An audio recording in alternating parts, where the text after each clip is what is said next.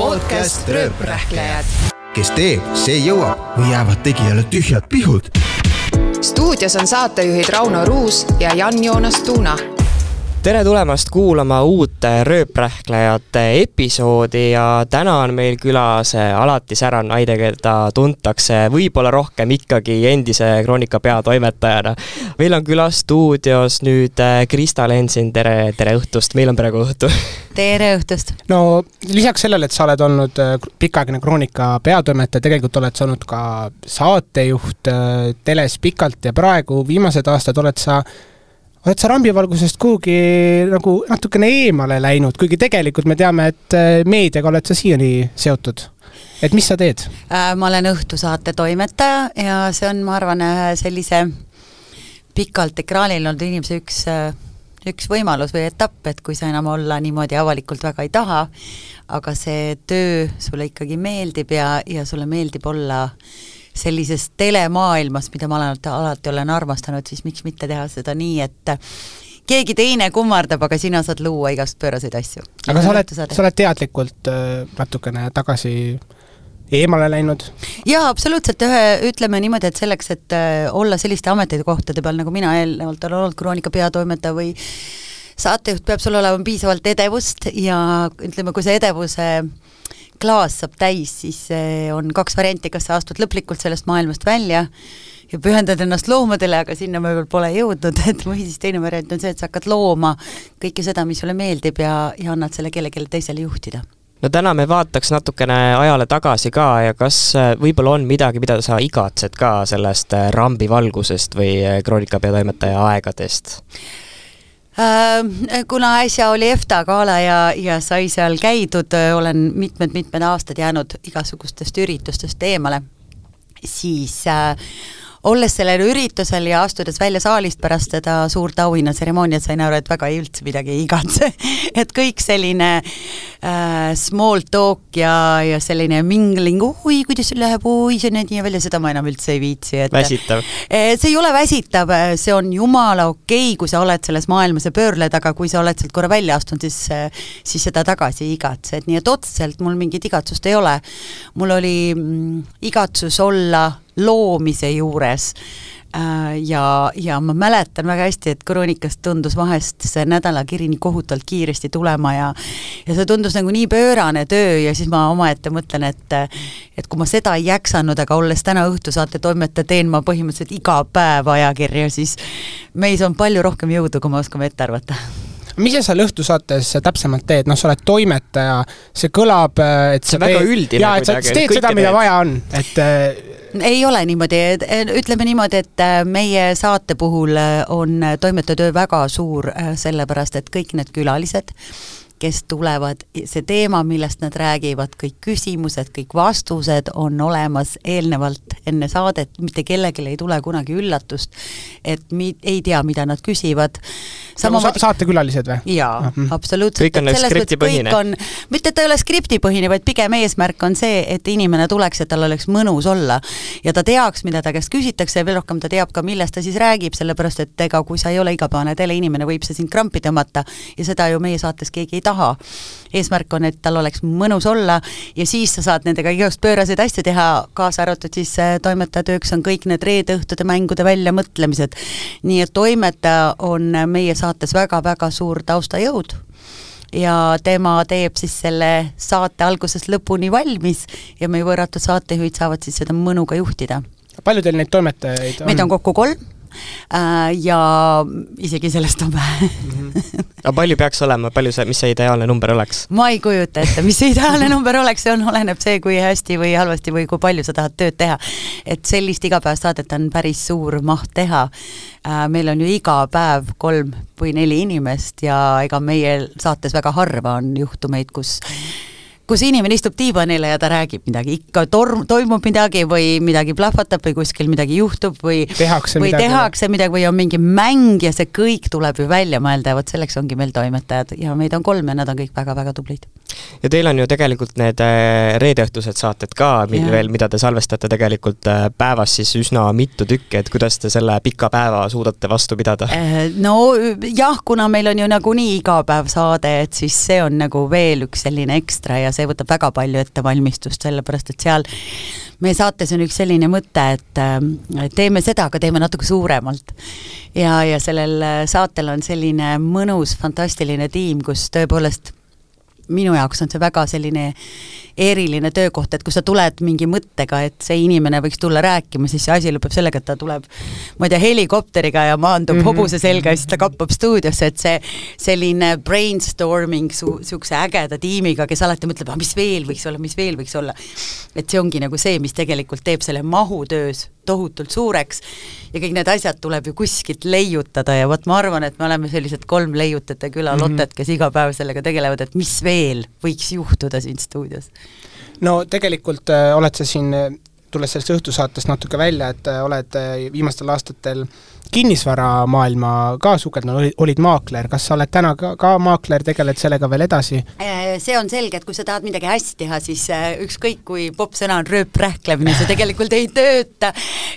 ma proovisin, mulle väga meeldis, aga seda ei ole võimalik teha, eriti arvestades meie saatepäev, meie noh, saatepäevade pikkust.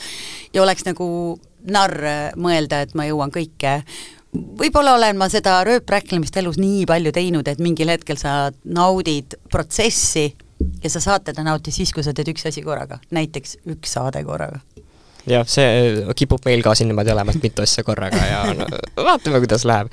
aga oled äh, ettevõtluses ka olnud äh, toimetanud ja erinevaid äh, dieete pidanud, asutanud firma Eatbeat, mis siis äh, aitab igapäevaselt äh, parandada äh, üldiselt öeldes tervist ja toitumist mm, -hmm. et kus, kus see nagu tekkis, et kas sellega ka toimetad ikka veel? ähm,? Sellega on praegust asjad protsessis ja, ja, ja kui see äpp tööle läheb, et siis see kindlasti on väga äge, äge asi, mida tasub kindlasti järgida.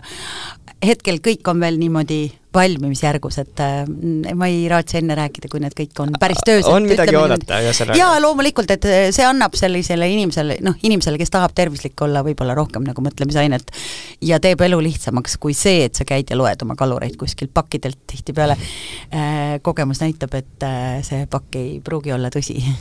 no me liigume nüüd siit natukene ajas tagasi ja noh, tahes-tahtmata me juba mainisime, et see kroonikaaeg, noh, see ikkagi, ma arvan, ütled Krista Lensin, siis ikka see kroonika tuleb nagu kohe võrdusmärk, et äh, me rääkisime ka erinevate inimestega, kes sind tunnevad ja sind on alati iseloomustatud kui selline särav, rõõmus, tore. Kuigi kroonikaaegadel sa ei saanud alati olla tore ja särav, vaid noh, tuli ka avaldada võib-olla asju, mis kedagi äh, viha, vihastasid või riivasid, et oskad sa ise kirjeldada, milline inimene sa need, need kümme aastat pea olid, kui sa kroonikas olid?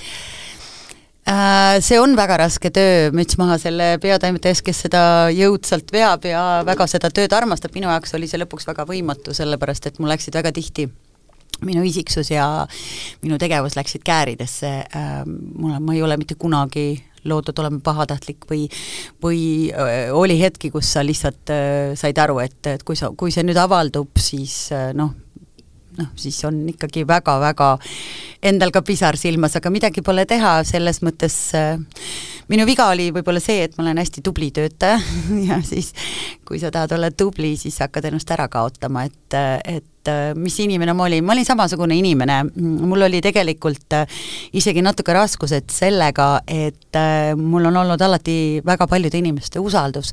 Ja olles sellise ajakirja peatoimetaja, satud sa kuskile üritusele, sul on kaasas veini, käes on veinipokaal või kuskile suitsuruumi ja sa kuuled imelugusid äh,, imelugusid, mis kõik kõik oleks lihtsalt unelmate müük, aga ma seda teha ei saanud see käis minu nagu sellise eetika? eetika, no mitte eetika, vaid minu inimese, minu kui inimese vastu, et see, mis sa mulle kuskil suitsunurgas räägid, kindlasti ei lähe ajakirja aga... täna, aga kui see peaks tulema kuskilt mujalt, siis ma pöördun su poole uuesti. aga inimesed selles mõttes äh, ei vaadanud kuidagi alt kulma, et okei okay,, sealt ta nüüd tuleb, vaata, vaatame nüüd, mis me nagu räägime, et mida ta kuuleb või kuidagi korra ma tean, mis sa küsid ja ma tean, mida sa mõtled, ma võin käsi südamele panna, et ma ei ole seda tunnet mitte kunagi tundnud, võib-olla alguses, aga üldiselt äh, see Eesti on nii väike, et äh, noh, kui inimesed sind tegelikult tunnevad, siis nad teavad, et täna oled sa Krista, homme sa oled peatoimetaja, nii et et räägime täna neid asju, mis tahame, aga homme oleme siis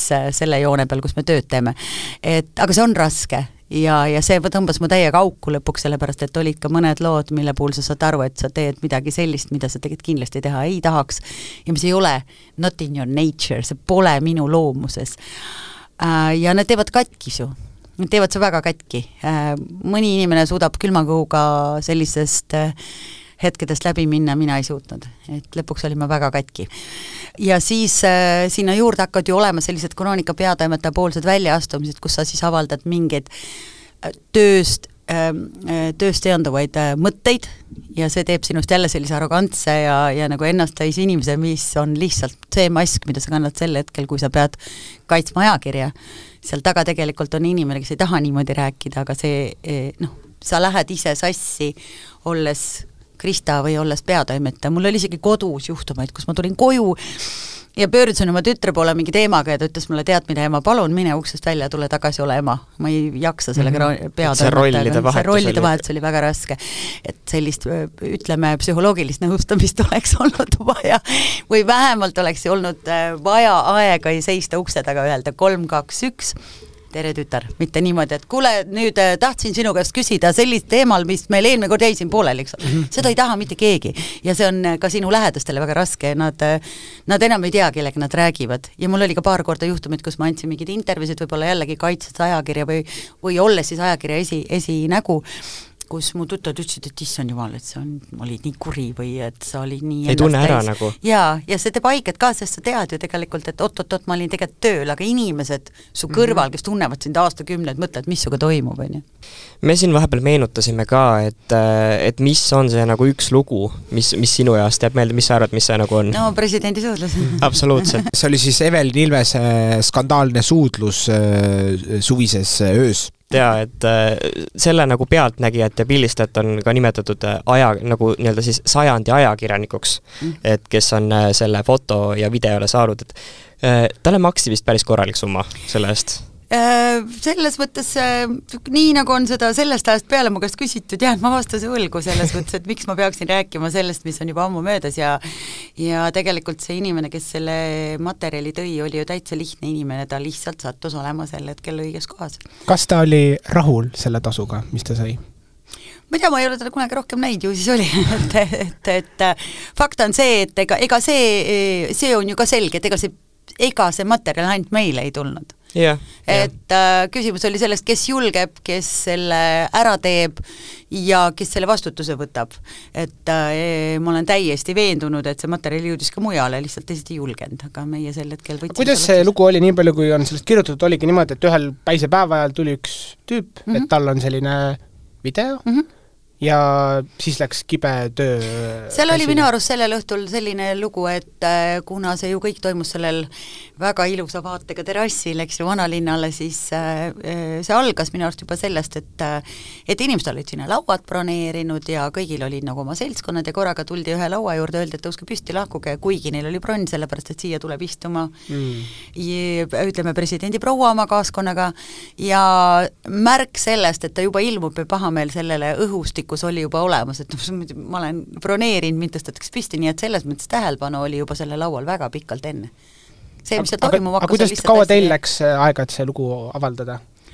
me ei saanud väga kaua oodata, sellepärast et äh, selle ajakirja tulek sõltus, sõltus, noh, see, ütleme, see uudisväärtus oli kas nüüd või Kiirus, kohe, jaa. et äh, minu arust me avaldasime isegi tookord päev varem. mul oli üks uskumatu juhus, mm, kui ma käisin Äh, Carmen Britson Tammega Santiago de Compostela teel kõndimas seda kahtesada neljakümmet kilomeetrit ja siis ja siis me läksime pärast mingit sadat või sada kahtekümmet kilomeetrit kuskile, ma ei tea, võtsime klaasi punast veini ja sattusime vestlusesse teiste inimestega, kes seal ringi rändavad.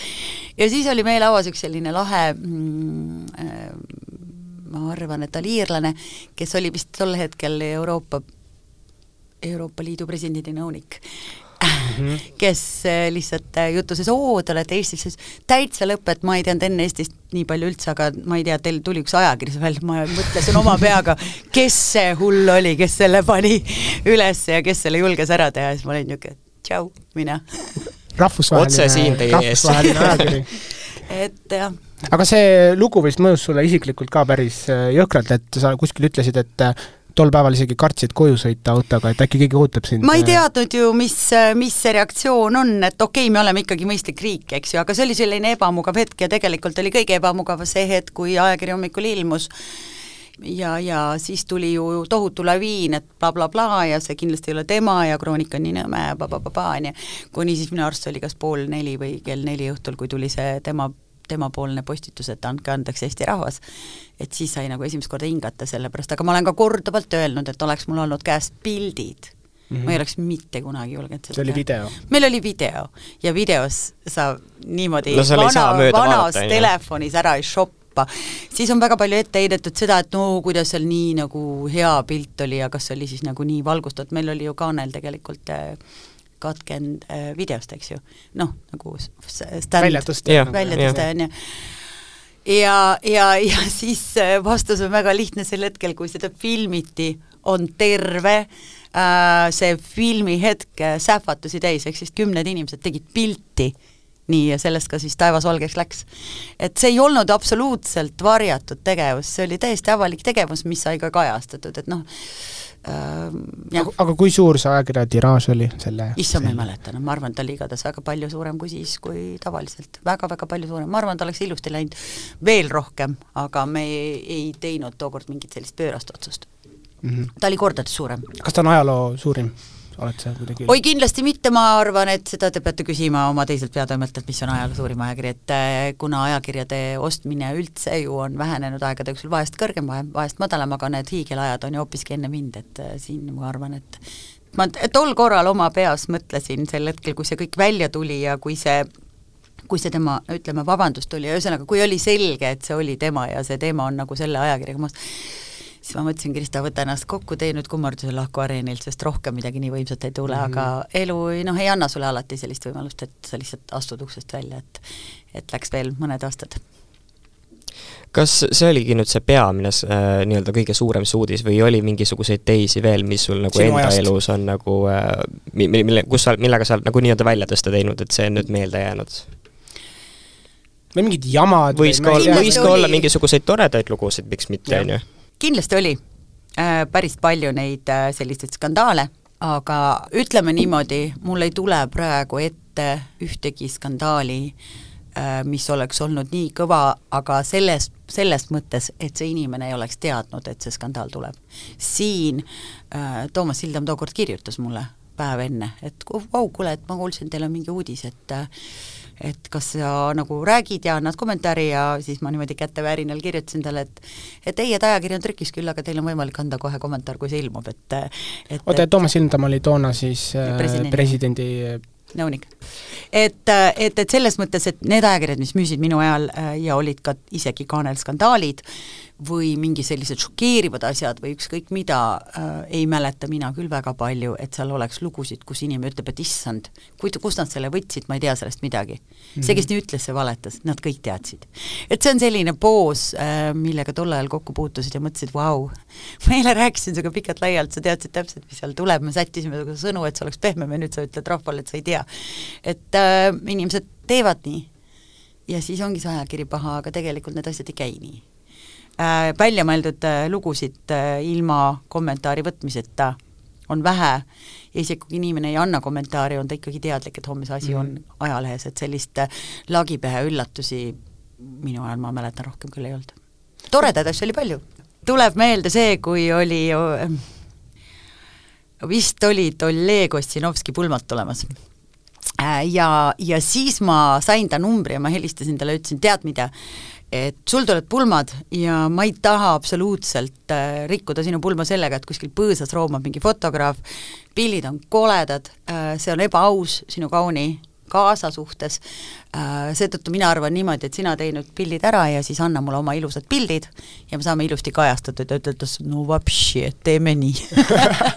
Oli kokkulepe olemas ka? absoluutselt, sellepärast et ükski ükski paar ei taha oma ajakirja luusivaid ajakirja, või ükski paar ei taha ajakirjas näha luusivaid Paparazzo mingeid- paparatsosid, koledaid pilte, kui neil on olemas profifotograaf ja kõik asjad oli võimalik kokku leppida, sellist asja sul, et et äh, noh, me peame salaja minema, et niisugust asja Tuleb osata küsida ikkagi. üldse maailmas on minu arust põhiline, kui sa midagi tahad, küsi, aga küsi ilusasti ja kõik on võimalik mm. -hmm. ma küsin ka korra väga huvitava, sellise nat-, huvitava küsimuse ja et kui palju sul on telefoninumbreid telefonis, et sul on kindlasti aastatega tohutult palju kontakte kogunenud, et et mis, mis see, mis, mis piiridesse see arv võiks jääda ma umbes ei? tea, me võime vaadata, mul pole aimugi, ma arvan, et see nimist on päris selline efektne, eks ju. tuhat nelisada nelikümmend üks. ma arvasin, et seda on isegi rohkem. kusjuures ma Ei. arvasin ka natuke rohkem. ei, tuhat nelisada nelikümmend üks, aga ausalt öeldes oleme seda listi päris korralikult ka puhastanud. no vot. et ega, ega mingil ajahetkel tekib see tunne, et kui mul seda, kui mul sind täna vaja ei ole, et siis küll ma su uuesti üles leian, et vahepeal tuleb telefoni puhastada. jah, ei olegi palju, normaalne. palju sul Jan on? ma ei tea, vähem no vaata siis, vaata. Me oleme nii noored ka veel. ei, ega seda oleks noored ei helista meile. sest et äh, kui on ka siin suvel sai äh, suheldud erinevate allikatega, siis ma, mul oli kombeks ikkagi kõik numbrid ära salvestada igaks juhuks, et kui keegi tagasi Mina sain- siis ma mina tean, kes sain, helistab. mul on kuussada nelikümmend kolm kontakti No. praegu. mina sain äh, ühelt, ühelt ajakirjanikult sellise soovituse, et äh, tead, et äh, noh, muidu võid neid numbreid salvestada, aga ära mitte kunagi salvesta peaministri ja presidendi numbreid, sest sa kunagi ei tea, kuhu see telefon jõuab. et ta tuleb äh, sa võid neile alati teised õhtu. nimed panna Jah., nad ei pea sul olema ametinimetuste järgi. mingi tät-, tädi ja onu. aga me liigume siit natuke veel äh, ajas tagasi äh, ja sa, me kuulame ühte lühikest intervjuud, mis sa andsid aastal kaks tuhat neliteist. ohoh, tere, Krista! juba teist aastat on Tallinn Star Weekend ja sa oled ka pidevalt toonitanud, et Eestil oleks vaja rohkem glamuuri ja staare. kas see aasta, ütleme, oleme juba lähemal sellele glamuurile? ma arvan, me ei ole, ükskõik kuidas sa nagu ei, ei, ei esitle üritusi ja ükskõik kuidas sa neid ei kutsu, neid inimesi, kahjuks nad ikka veel ei saa aru, et kui on kutse peal kirjas näiteks, et on red carpet show ja kohale palutakse tulla kell kuus ja, ja oodatakse sinult ka sellist korralikku välimust, siis millegipärast sa ei jõua kohale. et see on hästi kahju, et tundub vahest, et sa teed nagu tühja tööd, samas inimesed ju tahavad äh,, tahavad sellist hetke, näha neid inimesi tulemas, poseerimas, et sa pead nagu arvestama sellega, et kui sul on kutse, siis käituge vastavalt. järjekordselt pean ütlema, et ei tööta Eestis, jube kahju no sa hakkasid naerma, kas, kas üheksa aastaga on olukord paremaks läinud, oskavad inimesed käituda, riietuda, EFTA oli ka just. absoluutselt oskavad, minu arust on see drastiliselt muutunud, et tol ajal jah, ma isegi ei mäleta, mis üritus see nüüd oli, mida ma kommenteerisin, aga, aga minu arust on täna ikka nii palju ilusti riides inimesi äh, õigel ajal kohal, üritused algavad õigel ajal, ma, ma ei käi enam eriti ise, aga pilt, mida niimoodi ajakirjandust vaatad, on ju väga uhke, et ma ütleks, et inimesed on väga-väga palju arenenud ja minu arust on see väga tore. selline mm, kutse lugemine on tegelikult lugupidamine selle ürituse vastu, nii et et äh, selliseid kampsunites äh, tüüpe ei ole enam palju, mida vanasti oli väga palju, et kampsun võib ka olla stiilne, eks ju, aga, aga sellised karvased ja sulelisi kes ei ole nagu läbi mõelnud, kust nad tulevad, et neid on märksa vähem ja selliseid ilusaid pidulikke inimesi ja soengutes ja meikides on ju palju rohkem, väga tipp-topp. no selle üle on küll tohutult hea meel. aga kui nüüd glamuurseks on inimesed muutunud, kas äh, on muutunud ka kuidagi seltskonnaajakirjandus nende aastatega siin? vaatad siin. tead, ma arvan, et see lihtsalt tol ajal see paugutamine oli niisugune jõhker, ütleme enne mind oli ta ka ju palju jõhkram yeah., eks ju, et, et võib-olla see minu viga suurim oligi selles, et ma olen ise palju soft im ja siis see ajakiri muutus ka nagu pehmemaks. et jaa, skandaal küll müüb, nii öeldakse, aga, aga ma ei tea, kui Aga kas Eesti ta enam nii kõnetab nii ikkagi., Eesti on nii väike ja teiseks on ka see, et need inimesed, kellel tol ajal see skandaal müüs, need on tänased sellised, et nad ei viitsi enam noh mm -hmm., sellise asjaga tegeleda ja noortel on täitsa savi, mida sa seal teed. Et äh, selles mõttes nendel on hoopis teine maailm ja minu arust nendel noortel on pigem see, et ole tore, ole meeldiv, ole ole lahe, ole oma oma mõtetega ja vahet ei ole, kas sa oled alasti riides, oled sa okay,, oled sa drag, kui sa oled kihvt, siis sa oled tipp-topp, seepärast ma armastan noori tuhandeid kordi rohkem kui omavanuseid pässe, on ju äh,. Lihtsalt nende mõtlemine on nii palju easy m ja, ja see on äh, see on minu arust see, kust peab mõtlema, et et kellele sa neid siis täna enam lahmid, on ju, et kellel seda vaja on, et äh, ma ei, ma ei oskakski tänast ajakirja enam teha, sellepärast et kõik on palju pehmem. inimesed on väsinud sellest jamast. vähemalt mulle eemalt vaadates toim-, noh, tundub nii, küll aga ei ole ma ka põhilugeja, eks ju, täna mm. -hmm no pärast seda kroonika aega oled sa ka rääkinud, et see, see see päev, see oli nagu noh, ikkagi nagu pauk, ma arvan, see oli nagu tavaliste inimestele ka pauk, et ühel päeval sa ei olnud enam Kronika peatoimetaja. ja pärast seda siis äh, sa langesid nagu suurde auku või ütleme, sa said aru, et see ongi läbipõlemine ja et mm -hmm. sa mhm. oledki omadega täiesti läbi, et kuidas sa seda päeva kirjeldaksid, kui see teade tuli? sellel päeval oli mul kõik tipp-topp, ma olin tegelikult un-, noh, mõelnud juba hästi amm-, hästi-hästi ammu, et ma pean minema, ma pean minema, lihtsalt elu kuidagi noh, see ei ole päris niimoodi, et sa pakid asjad ja lähed, eks ju, aga mul oli see vajadus ära minna juba ammu-ammu, kui see tuli, siis tegelikult see oli mulle meeletu kergendus, jaa, muidugi see tuleb sulle, noh, ebameeldiv on ikka ja kurvaks teeb ikka, eks ju aga ma mäletan, et keegi suurtest bossidest veel ütles, et issand, sa pärast oled nii rahul sellega, et et, et, et, et pärast sa, pärast sa mõtled, et see ei olnudki nii hull. ja tal oli sulatõsi õigus, sellepärast et ma pärast mõtlesin, et see oli kõige parem asi, mis minuga üldse juhtus. ma jäingi liiga kauaks kohta, kus ma ammu enam olla ei tahtnud. Äh, ja see teade tuli niimoodi, et no ma ei tea, mul oli see, et saaks asjad kokku ja minema siit ja ma nii mäletan, et ma läksin veel koju, ütlesin jess, nüüd ma olen vaba, ma ei pea enam mingi üritustel käima ja sättima ja seisma ja seletama ja ja tegelema mingite asjadega, mis mulle endale ei meeldi ja ja kõik on nii super ja nüüd ma hakkan puhkama ja ja siis ma läksin, sõitsin veel Portugali joogalaagrisse kohe, sest mul oli ju võimalused olemas ja ja siis ma tulin veel sealt tagasi, ma tegin veel lavastusi kaasa ja siis ühel lavastusel käis niimoodi piu. põhimõtteliselt käpp oli maha, et, et, et selleks hetkeks ma olin ammu juba läbi omadega. aga inimene ikka veel ei saa nii et sulle andis ikkagi lõpuks keha märku? Mul oli keha kõik tipp, ma olen sel-, selline tüüp olnud, et ma nagu äh, kõik need aastad, äh, kui oli jälle töö tehtud ja sa said korra reisile, siis ma olin reisil kogu aeg nii haige, noh, tervis oli nii korrast ära. nüüd oli see, et mul lihtsalt, mul lõppes mõtted kõik ära, ma olin nagu päevapealt olin ma tühi, ma ei teadnud, kes ma olen, mul ei tulnud meelde, mis ma teinud olen, ma ei saanud üldse aru, milleks ma siin elus olen loodud, mul oli, hakkasid meeletud süümekad, mul oli kehva olla nende inimeste ees, mul tekkis täielik inimeste hirm selle koha pealt, et ma ei astu enam toastki välja, ma ei teinudki kuus kuud seda sammu uksest välja ja mul tekkis täielik ahastus selle koha pealt, et olles eluaeg olnud inimeste inimene ja armastades olla inimeste keskel või tegele, tegeleda inimestega, olid inimesed minu jaoks kõige hirmutavam asi, mis tähendab seda, et mis ma nüüd edasi teen. kuhu ma lähen. et ähm, see on päris jõhker äh, pauk ähm, ja, ja mul öeldakse hiljem targemate inimestega rääkides, mul läks isegi hästi, et ma sain kahe aastaga välja, on ju. et mõni võib-olla ei tulegi välja. Et äh, ma lihtsalt pikutasin ja, ja mu pea oli tühi ja ma sain aru, et mul ei ole mitte midagi enam mitte kellelegi anda ja mitte midagi pole mitte kellelegi öelda. ja igast toredaid mõtteid, mõtlesin, et läheks kuskile aiandisse, hakkaks lilli istutama ühesõnaga täitsa no crazy, et selles mõttes jalutaks koeraga ja see oli kõik, mis ma teha tahtsin. et seda jõuda aega vaimselt, aga mu tervis oli korras ja ta oli nii korras, et äh, sellest on palju nüüd möödas, ma ei tea. neli või? rohkem, ei ole või? kaks tuhat üheksateist oli sul viimane? on neli või, okei okay,, no ühesõnaga ma ei ole kordagi haige olnud, mitte ühtegi korda pole haige olnud, et äh, selles mõttes mul, ma otsustasin, et ma enam haige ei viitsi olla ütlesin universumile, ma ei viitsi enam haige olla. ja, ja, ja siis tuli see puhkav pea järgi ja, ja sellega sain ennast nagu täitsa tipp-topp korda.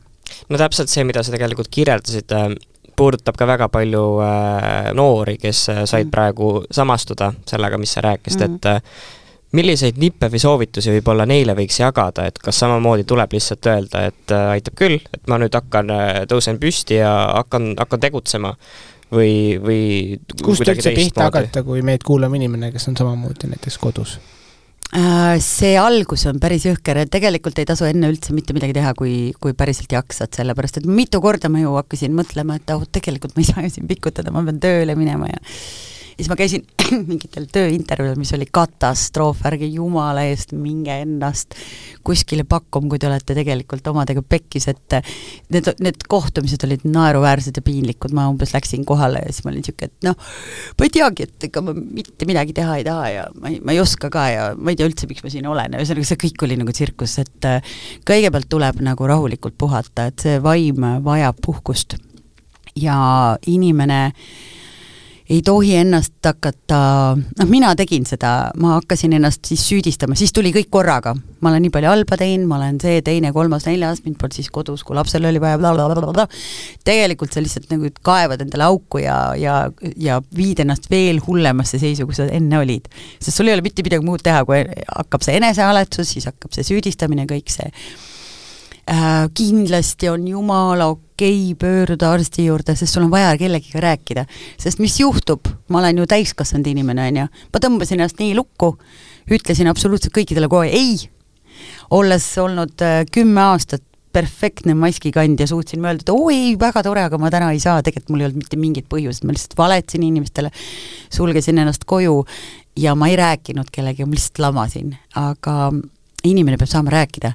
ja ma mõtlesin, et mul ei jää mitte kedagi alles, sest inimesed ei osanud üldse enam käituda.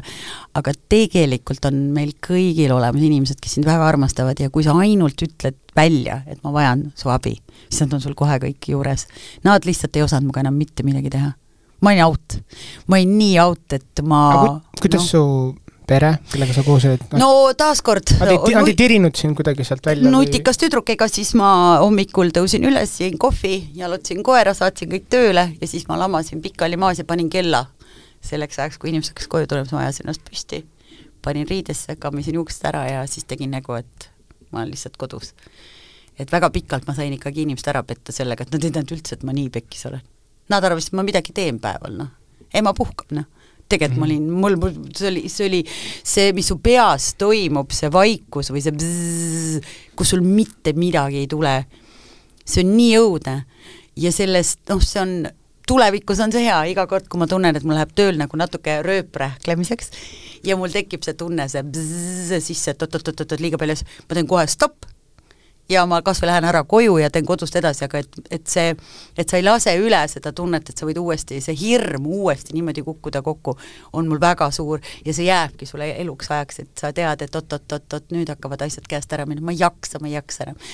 et väga soovitan rääkida oma kallite inimestega, sellepärast et inimesed tahavad aidata, nad lihtsalt ei tea, et sa abi vajad mm. -hmm no see oli üks äh, nüüd see viimane sul see elu nagu madalpunkt mm, -hmm. mis sul oli. kõige madalam üldse.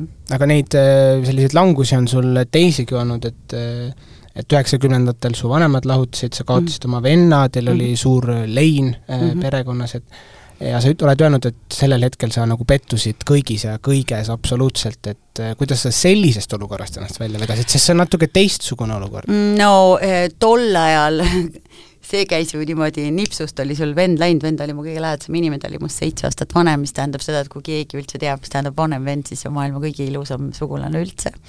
et sa oled väike õde, siis sa oled alati hoitud. Äh, ja tol ajal ei olnud sellist asja nagu leina ma ei tea, leinaravi või leinaabi või noh, mitte midagi ei olnud. ja inimestel noh, see lein või see läbielamine väljendub erinevalt, eks ju. kes saab nutta, kes on kurb, mul oli lihtsalt, tekkis meeletu pettumus ja viha. sellepärast, et ma olin jäetud nagu üksi sel hetkel, et mis mõttes on ju, et kuidas ma siit edasi lähen, ma olin arvestanud oma elus, et äh, et äh, kui ma, noh, meie oleme nagu olnud, meil ei ole olnud tädisid, onusid ei olnud vennaga, siis et minul tuleb onu ja onulapsed ja, ja kõik see selline noh, meie su-, suguvõsa läheb palju suuremaks, eks ju, et et, et see oli, see oli kohutav, aga siis ma pakkisin asjad ja läksin USA-sse, nii et noh, selles mõttes, et jooksin jälle minema, tüüpiline mina, kui midagi on raske. et ma nagu ei jookse enda eest, ma jooksen aga kas see aitas kohast. siis? Äh, või sa põgenesid lihtsalt lõppkokkuvõttes iseenda eest ja eks ta mingil hetkel tuleb, jaa muidugi, ega siis ma ütlen, ma ei ole väga suur äh, arstide juures käia ja mul on alati see tunne, et oo, ma olen nii tugev, et ma nagu saan ise hakkama, et nüüd, olles täiesti alandlik äh, selles situatsioonis, kuhu ma kukkusin ja aru saades, et tegelikult abi on olemas, eks ju. et äh, isegi tookord äh, eks meil on siin muidki asju olnud, ütles mu ema mulle ükskord, et miks alati, kui on mingi kurb asi või õnnetus, sa võtad kõik üksi kanda ja siis, kui on tore, siis sa jagad seda kõigega, eks ju, et, et see on see minu viga, et kui on jama, siis ma ei räägi et ja seda ei tohi ja kui on tore, siis räägid oi no siis ma räägin kõigiga ja siis ma jagan seda rõõmu ja kõike, et mul on alati nagu hästi hästi palju seda sellist anda hästi palju, aga vastu võtta ei oska. et äh, noortele ka, et, et ärge üldse kartke, et häbi, pole üldse häbiasi olla väsinud, pole üldse häbiasi olla äh,, asi olla, katki olla, lihtsalt küsi abi ja see on okei. Okay see on jumala okei. Okay., ainuke asi, mida ei tohi teha, on tõmmata ennast lukku nii, nagu mina, või jääda niimoodi üksinda, sest sealt need õnnetused tulevadki ja meil ükskõik mis vanemad või kes me noh, tegelikult nad on seal ukse taga täpselt sama suures ahastuses, nad ei tea, kuidas sind aidata, sest sa ei taha, aga tegelikult andke see sõrm ja nad võtavad ja teevad, teevad su terveks no vanematevahelised suhted on ka äh, eriti olulised ja Õhtulehele oled sa andnud intervjuus öelnud, et äh, kui oligi see glamuurne üritus siin, et siis samal ajal ikkagi vaatasid pidevalt kella, et saaks äh, kiirelt koju tütre juurde minna mm., et äh, tütrel on ka sarnased äh, probleemid siis olnud, et äh, kuidas äh, nagu suurendada seda va-, nagu vanema ja tütre vahelist ja nagu lastevahelist sidet et sa julgeksid küsida abi. sest äh, sa kuskil ka ütlesid, et äh, sa ei teadnud isegi, et millele, kas ta sööb üldse mm. -hmm. ei, väga õige, te olete väga tublisti kodutööd teinud, väga tublid olete. see on see tohutult keeruline puberteediaeg äh, ja, ja eriti siis, kui sul on veel selline lehviv ema, kes on avaliku elu tegelane, noh, ma võtan oma pere praegu, ja sul on tütar, kes äh, tegelikult seda kõike ei taha äh, ma hakkan natuke kaugelt pihta, minu isa on lõunamaalt pärit, eks ju, noh, ta on Gruusiast pärit, mul on niisugune Armeenia-Türgi segu veri. Äh,, me kõik oleme sellised tohutult äh, nagu väljapoole inimesed. Ja täiesti loomulikus järjekorras arvasin ma, et me kõik olemegi sellised. alles siis, kui mu laps oli sügavas kliinilises depressioonis ja me hakkasime käima mööda psühhiaatreid, ütles üks psühhiaater täiesti kogemata mulle, et noh, sul ongi raske, ta on introvert ja päriselt, olles absoluutselt alati olnud oma arust tubli ema, ma pidin tooli pealt maha kukkuma, mul polnud aimugi, et mu tütar on introvert, kes ei taha seda kõike, kus teda on tassitud ja oldud ja käidud ja ja temaga on pildistatud ja lahmerdatud ja kui ma sellest aru sain, siis ma mõtlesin, no täitsa lõpp, mis jama ma veel olen elus kokku korjanud, aga see selle ma andsin endale siis seal põrandal andeks, sest et ükski ema ei taha oma lapsel halba, ma lihtsalt ei teadnud äh,. Kuidas parandada suhteid äh,? aeg ja kannatus äh,. me käisime väga palju äh, arstide juures ja tulime sealt välja ja, ja, ja see kõik see reaktsioonid ja see kõik on nii õudne kõrvalt vaadata, sa oled abitu, sa oled jõuetu ja sa ei saa teda aidata ja sa ei oska teda aidata ja ja siis ta veel protestib ka ja lõpuks on veel see, et eh, kui sa veel üritad midagi nagu öelda, siis ta ütleb, et sa ei saa mitte millestki aru, nagu ikka see maailm on, on ju ja ma lihtsalt käisin kaasas ja ma kogu aeg käisin kaasas ja ma istusin seal ukse taga tunde ja ma ootasin teda ja siis me tulime sealt välja. Ja ma ei osanud tol ajal mitte midagi muud teha, kui lihtsalt olla vait ja öelda talle, et äkki me lähme siis koos sööma ja, ja seal lähedal oli mingi koht, kus me siis käisime, siis ta oli nagu pahane kogu selle maailma peale, kuni lõpuks ükskord arst ütles, et et see, et sa seal ukse taga istusid ja lihtsalt ei andnud alla ja muudkui istusid ja jälle tulid ja istusid ja võtsid ja läksid ja tulid. et see, et, et ükskõik kui palju ta sind ei tõrjunud, sa ikka olid alles, et see oligi võib-olla see kuu kõige suurem ravi, mitte need ravimid, mitte need arstid kohalolek ikkagi loeb. jaa, et sa lihtsalt ei anna alla, ükskõik kui raske on, ja ütleksin ka kõikidele lapsevanematele, kui nad mind siin peaks juhtuma kuulama, et et kui su laps paugutab uksi, ja saadab sind pikalt, siis on kõik okei okay,, hinga ja neela alla, sest kui ta neid asju enam üks päev ei tee, siis on asjad väga halvasti. et vaikus on äh, palju hullem? oi, palju ohtlikum. hüppame siit korra nüüd niimoodi tagasi, et sa mainisid ka, et sa Ameerikasse äh, läksid, äh, see oligi siis noh, pärast neid ka sellist elu madalpunkti, ja sa olid New Yorgis siis üheksakümnendatel ja vist pea kümme aastat, et et äh, muidugi üheksakümnendate New York tundub nagu mingisugune American Dream, et oli sul endal see American Dream, kui sa sinna läksid? öösel täitsa crazy aeg ja see oli väga tore, sellepärast et ma läksin sinna veel sellel etapil elus, kus mul ei olnud ju otseselt mingeid kohustusi. ühest küljest ma jooksin ära siit, sellepärast et ma ei suutnud hakkama saada selle leinaga, mis siia maha jäi ja teisest küljest olime äkki siin maailma kõige ägedamas linnas, kus mul ei olnudki nagu mitte mingeid muresid, ma lihtsalt nagu pralletasin ringi ja möllasin ja võtsin elu väga kergelt ja ja sukeldasin sinna sellesse New Yorgi ööellu ja olin täiesti pöörane. et äh, aga mille, mis võtsin. sa seal nagu tegid, selles mõttes, et äh, millestki pidi ju elama äh, no jaa, no loomulikult ma tegin seal erinevaid töid, eks ju, see ei olnud selles mõttes kuidagi mingi meediaga või mm -mm. üldse sellega mm? -mm. ma ei, ei, ei, ma ju töötasin sellest tegelikult enne, kui ma üldse Ameerika, üldse esimene, esimene töökoht oli televisioon äh,, kui ma olin kaheksateist ja siis ma läksin sealt ära ja siis ma hakkasin muid tööd tegema, nii et et kui ma sinna läksin, mul polnud üldse aimu, mis ma seal tegema hakkan, mul oli lihtsalt see, et okei okay,, vaatame, mis saab, et oli seal töid ja asju, aga, aga New Yorgis ma nautisin täiega elu lihtsalt, mul oli e-, elukaaslane, lapse isa, abikaasa hiljem äh,, kellega meil lihtsalt oli väga tore aeg ja me ei võtnud üldse nagu mingit viis aastaga plaani, meil oli lihtsalt täitsa savi, meil olid sõrmed püsti ja me elasime niisugust täielikku New Yorgi elu äh,. Ma käisin tagasi New Yorgis eelmine suvi mm,, seitseteist aastat hiljem äh,. Sellepärast, et näidata oma tütrele siis linna, kus ta sündinud on. ja oi, ma ootasin seda, ma mõtlesin, et nii, nüüd ma olen tagasi oma New Yorgis ja näitan oma tütrele linna ära ja kui ta sealt läheb isa juurde puhkama, oi, ma siis rokin siin linnas üksi. Ja kui ta ära läks, siis ma vaatasin seda linna ja mõtlesin, et oh, mul on siin ka kõik tehtud, võtsin oma asjad ja läksin sõbrannale hoopis teise osariiki külla, et et äh, täiesti tehtud linn minu jaoks, et see kõik, mis ma sealt sain, andis mulle kindlasti rohkem julgust ja enesekindlust olla see, kes ma täna olen. Äh, aga sellist hullust ma enda ellu jällegi täna aga kas, kas noored peaksid äh, minema? absoluutselt, minge kohe, jumala eest, oi jumal, üldse tasub äh,, üldse tasub kindlasti minna Eestist ära aastaks kaheks, noh, ma olin päris pikalt, eks ju äh,, ja vaadata seda elu siin äh, eemalt ja aru saada, mis väärtused Eestil on, et äh, et siin on väga-väga palju miljon põhjust, miks siin elada. Ja näiteks siis, kui Simone sündis, no sel, siis oli mul küll nagu paugust pilt selge, et no siin linnas pole mitte midagi teha.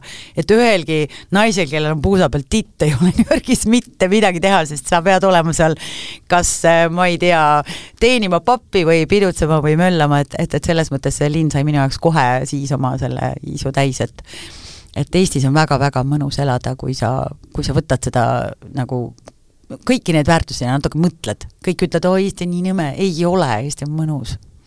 No eks Ameerikast oli mingisuguseid õppetunde sul kindlasti veel kaasa võtta, et me saime aru, et nine, nine eleveni tunnistajaks olid seal, nii nagu inglise keeles öeldakse, siis äh, terroriakt, on ju? Yeah.. et kas, kas see jättis ka mingisuguse jälje või pani nagu maailma kuidagi teise pilguga vaatama, et meil Eestis tegelikult on ju selles mõttes hästi, jah, on loomulikult, on ju see oli kohutav päev ja ma olin täiesti selles keskmes ja, ja ausalt öeldes ikkagi paar nädalat, see on vist, vist ainuke kord oma elus, kus ma olen paar nädalat rahustati peal olnud, sest ma sain täieliku šoki et sa ei olnud kuskil kaugel? ei, ma seisin oli... viiendal avenüül ja kolmeteistkümnendal tänaval, nii et selles mõttes ma olin täpselt seal, kui see pauk käis, nad noh, pärast kolmeteistkümnendat tänavat tuleb umbes viis nime, nimelist tänavat ja siis ongi need tornid, nii et ma olin ikkagi kohutavalt lähedal.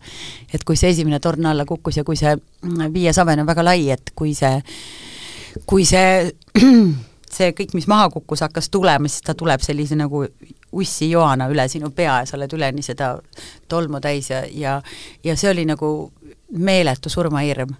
ja sealt hakkas mul kohe kell käima, et täitsa lõpp, ma pole mitte midagi elus veel teinud. mul pole karjääri, mul pole last, ma olen lihtsalt ringi pralletanud, on ju.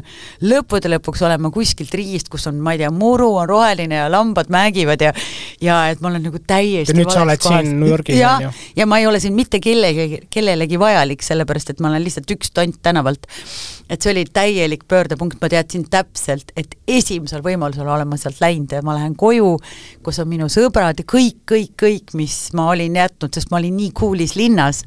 Oo, siin on nii äge, mul olid sekundiga ema, isa, sõbrad, kodu äh,, sõpra, sõprade lapsed, mu oma lapse turvalisus, see käis no niimoodi, kahekümne sekundiga ma teadsin, et that's it ma lähen minema. sellepärast, et ükskõik, mis minu abiga, abielus saab, mina siia enam ei jää, sest mul on siin nii palju. Ja New York ei olnud mitte kunagi enam samasugune selles mõttes, et see selline hei-hoo, kakskümmend neli seitse pidu ja pillerkarr äh,, pärast seda oli ju tükk aega sellist tühja maad ja hirmu. ja, ja ma tundsin esimest korda elus, ähm, kui me, kui see alla kukkus, see torn, siis inimesed olid meeletus paanikas ja me hakkasime, pöörasime ennast ümber ja hakkasime jooksma üles linna poole. ja joostes mööda Viiendat Avenued ülespoole nagu suuremate tänavanumbrite poole näed sa World Trade Centerit äh,, Empire State Building ud, joostes ülespoole näed sa Empire State Building ut, mis on täpselt sama suur ja kõrge ja uhke nagu see alllinna kaksikud. ja ma mõtlesin oma, et aga kes ütleb, et see alla ei tule.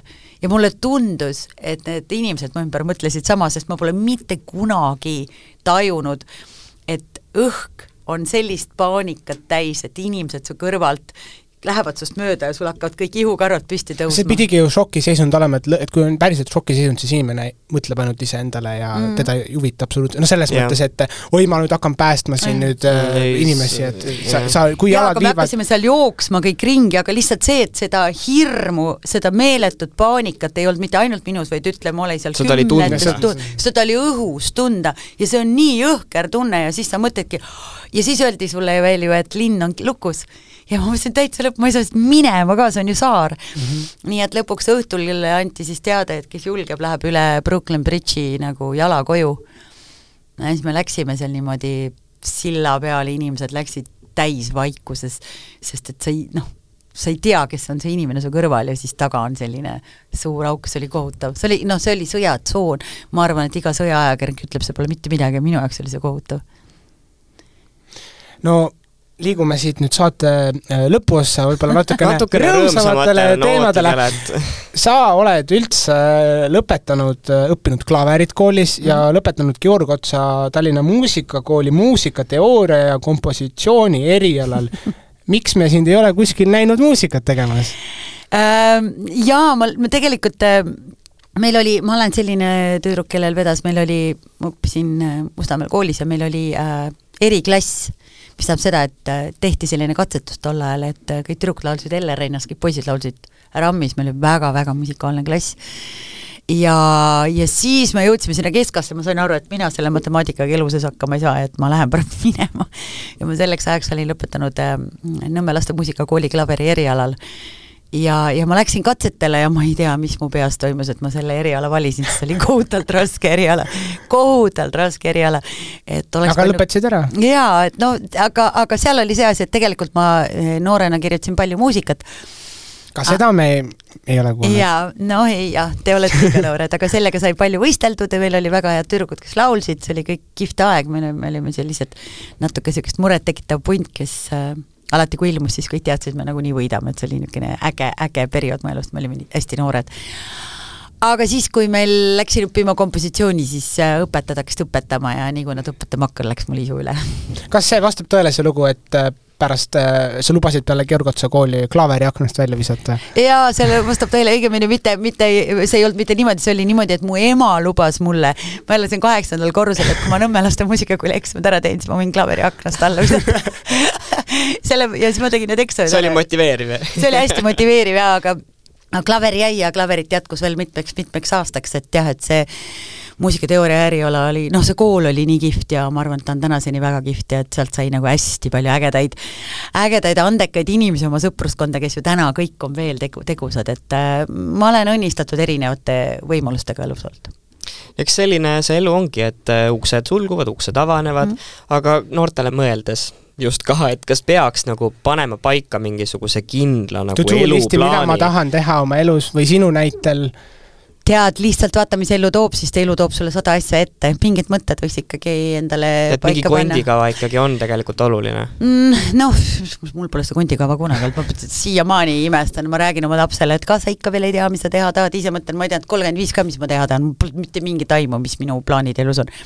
aga unistused äh, või mingid mõtted, et pange kirja loomulikult, sellepärast et et äh, kui mõni näiteks täna ei õnnestu, siis sa võid ju sellest nimekirjast midagi ettepoole tõsta, need on kõik sinu enda elu, sa võid oma plaane muuta, ära ole plaanis kinni, ole oma unistustes kinni ja proovi neid teostada ja kui nad ei tule nii, siis tee, kõige tähtsam elus on see, et sa naudid seda kulgemist.